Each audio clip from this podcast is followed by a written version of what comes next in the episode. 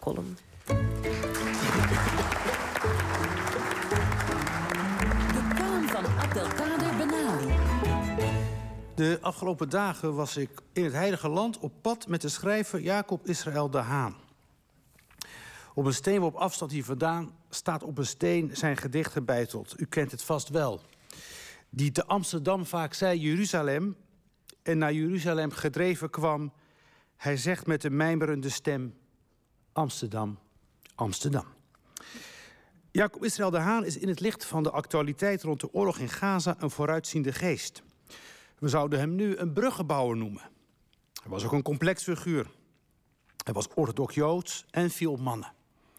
Hij leefde aan het begin van de vorige eeuw, toen veel van de ingewikkeldheden van onze tijd nog in de kinderschoenen stonden.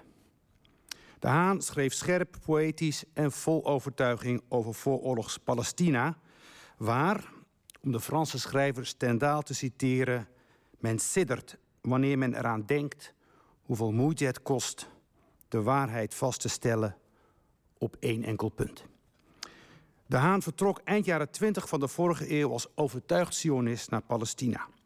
Vanuit Jeruzalem berichtte hij voor de krant Het Nieuwsblad over de verrichtingen van de Joodse pioniers.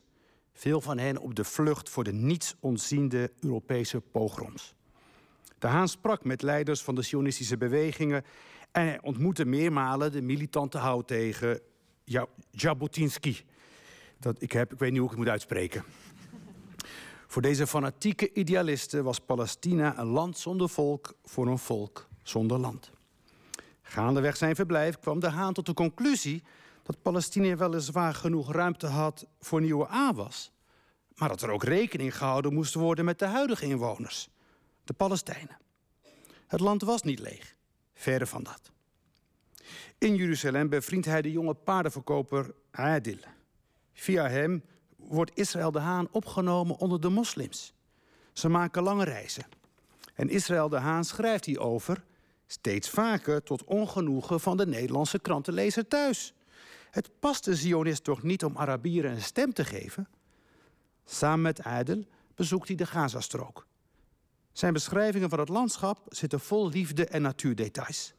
Ik citeer: De rijke vlakte van Gaza. Tuinen met een cactushagen vijgenbomen en druiventuinen. Ineens achter de duinen de zee. En de zon, groot en rood, boven de zee. De schemering, een korte schemering. Dan achter ons, hoog en goud, de volle maan. Wat hij ook in Gaza ziet, zijn oplopende spanningen tussen oude bewoners en nieuwkomers. Ik citeer. De verhouding tussen de Arabieren en Joden is tot dusver goed. Maar men moet zien hoe het worden zal wanneer de Joodse aanwezigheid in macht en in wil toeneemt. Zijn sympathie voor de Arabieren is een doorn in het oog van de fanatieke Zionisten. Op 30 juni 1924 werd hij met drie pistoolschoten door een terrorist om het leven gebracht. De verzoenende toon van Israël de Haan werd hem vertaald.